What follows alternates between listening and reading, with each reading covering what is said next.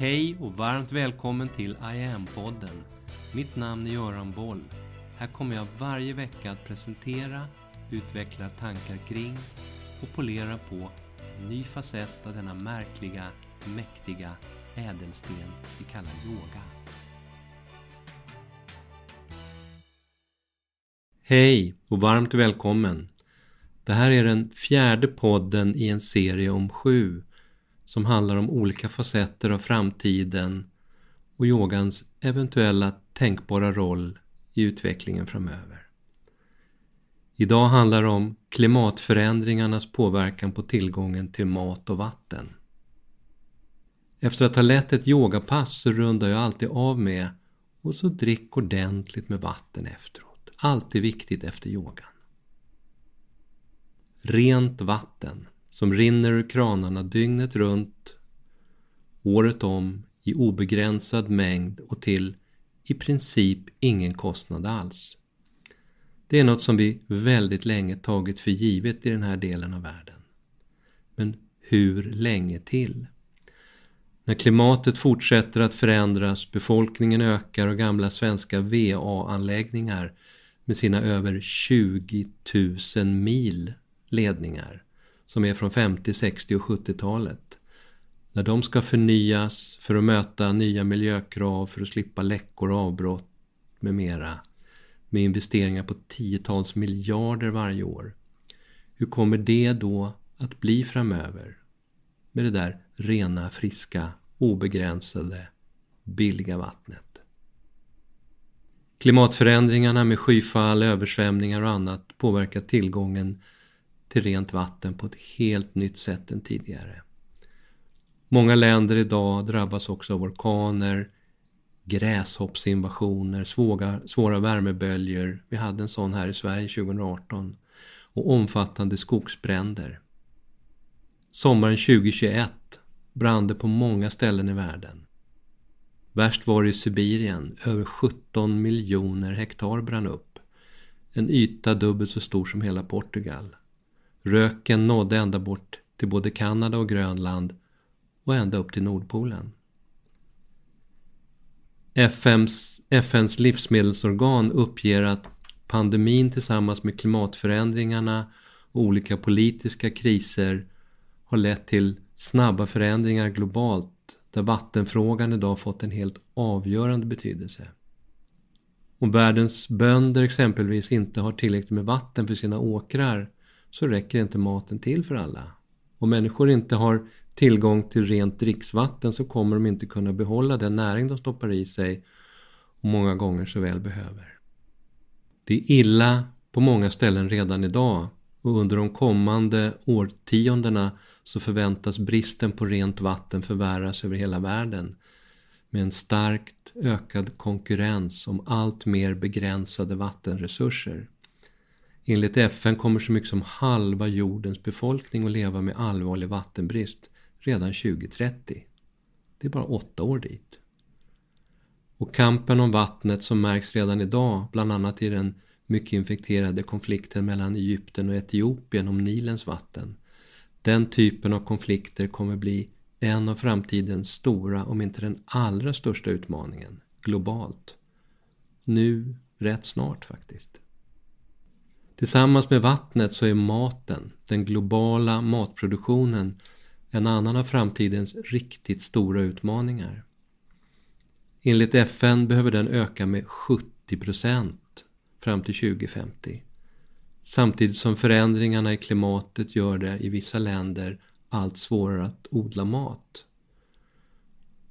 Om det inte är stigande havsnivåer som översvämnar odlingslandskapen så kan brist på sötvatten leda till att åkrarna ändå vattnas med havsvatten för att det inte finns något annat. Oavsett så blir odlingsmarker saltare och svårare att odla traditionella grödor på. Jordarna utarmas allt snabbare. Jag såg en siffra häromdagen. Tiotals miljarder ton bördig matjord förstörs varje år. Tiotals miljarder ton varje år. Vi kommer att behöva titta på helt nya lösningar både för vatten och mat framöver. Att fortsätta som nu, det leder käpprätt åt helvete på ren svenska. När det gäller maten som vi stoppar i oss finns så stora paradoxer idag. 10% av världens befolkning, 800 miljoner människor, lider av undernäring och de siffrorna är ökande. De har helt enkelt inte tillräckligt att äta. 25% av världens befolkning, vi pratar om ett par miljarder människor, lider av anemi, det vill säga svår blodbrist. Och 30%, kanske 2,5 miljard människor, lider av övervikt och fetma. Som ger en tydligt ökad risk för att drabbas av hjärt-kärlsjukdomar, cancer, luftvägssjukdomar och diabetes. Det är de fyra sjukdomstillstånden som tar flest människoliv globalt varje år. Och här är matvanorna en av de viktigast bakomliggande orsakerna. Så, i den här rätt mörka bilden har yogan något att bidra med. Lite böj och töj är väl ingenting att komma dragandes med i de här sammanhangen?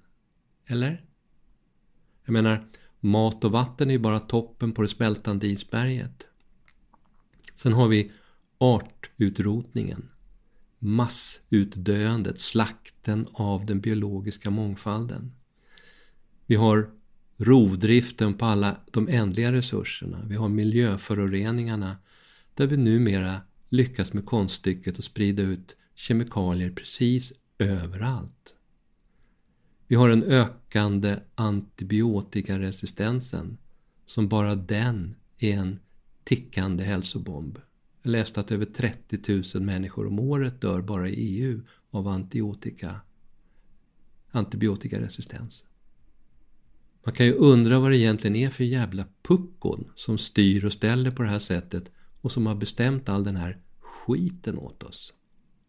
Och hur skulle då lite böj och töj kunna åstadkomma någonting överhuvudtaget mot allt det här? Nu får du skärpa dig, yogasnubben. Eller?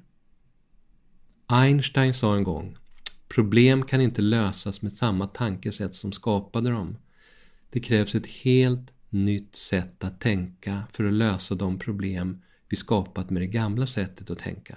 Det vill säga puckosättet. Fast det där sista var inte Einstein. Det var jag som lade till pucko. Och det är verkligen sant. Vi har tänkt väldigt ytligt, väldigt kortsiktigt, väldigt konstigt och väldigt fel väldigt länge på den här planeten. Och vi har på vägen tappat bort något helt centralt när det gäller inre kartor och kompasser. När den brittiske författaren och journalisten Graham Hancock i början av 00-talet frågade en schaman i Amazonas regnskogar om västvärldens problem så svarade schamanen så här. Det är enkelt. Ni har klippt kontakten och alla band med det andliga. Ni kommer inte att kunna utvecklas och röra er framåt igen med mindre än att, att ni återskapar den kontakten. Punkt.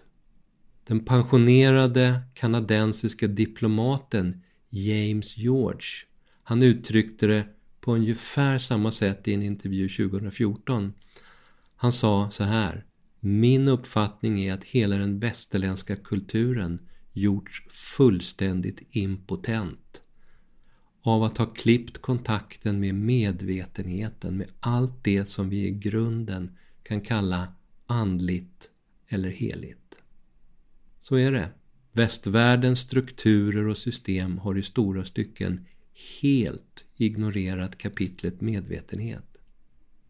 Men om vi ska försöka väva in yogan i det här tänkandet så har ju den tvärtom faktiskt historiskt sett alltid handlat om medvetenhet, om full medvetenhet, insikt, ökad närvaro, om förmågan att fokusera djupare.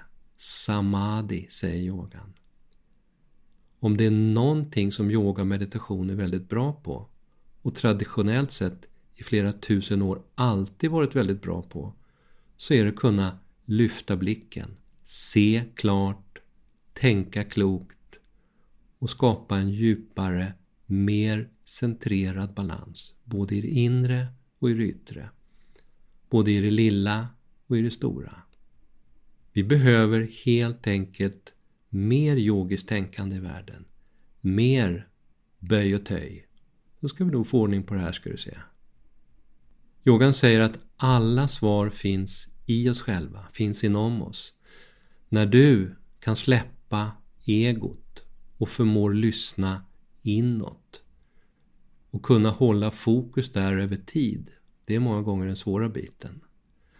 Då har du inte bara möjlighet att finna dig själv och alla svar för dig, utan också för världen och befria dig själv fullständigt som människa. En viss, viktig distinktion i det här, det är att yoga inte handlar om att bli medveten. Yoga handlar om att förstå, att komma till insikt om att på djupet så är du redan medveten. Du kan nå den insikten genom att via yoga, men kanske framförallt via meditation, släppa alla de där begränsande präglingarna som världen tutat i och fyllt dig med och som styrt dig genom hela ditt liv. Yoga handlar om, på ett centralt plan, att släppa taget. Min katt Tao, som ofta inspirerar mig, han tyckte när han läste den här texten att jag faktiskt hade en del klokt att komma med för att vara människa. Att lyssna utan ego till exempel. Det lyfte han och sa att nu behöver jag bara ta steget från ord till handling. Att bli mer inkännande, att lyssna in hans behov, speciellt vid matdags, det är en bra början. Att exempelvis inte bara öppna första bästa burk, utan att alltid ge honom fler alternativ att välja mellan. Där kan jag börja leva lite mer som jag lär, säger Tao. Så så får det bli. Vi hörs! Mitt namn är Göran Boll. Det var jag som skapade Medyoga och grundade Medyoga-institutet. Sedan 90-talet och framåt har jag introducerat yoga i näringslivet, in i svensk forskning och in i den svenska hälso och sjukvården där Sverige idag är världsledande på yoga direkt för patienter. Framtiden för mig handlar om I am. Yoga för medvetenhet och hälsa. Läs mer om kurser, online-träning, utbildningar med mera på hemsidan iamyoga.online. Följ oss gärna på sociala medier och tycker du om de här poddarna så tar jag tacksamt emot om du vill gå in på iTunes, Spotify och där poddar finns och ge mig ett betyg så vi blir fler som hittar in i yogans värld. Tack för att du lyssnar och delar.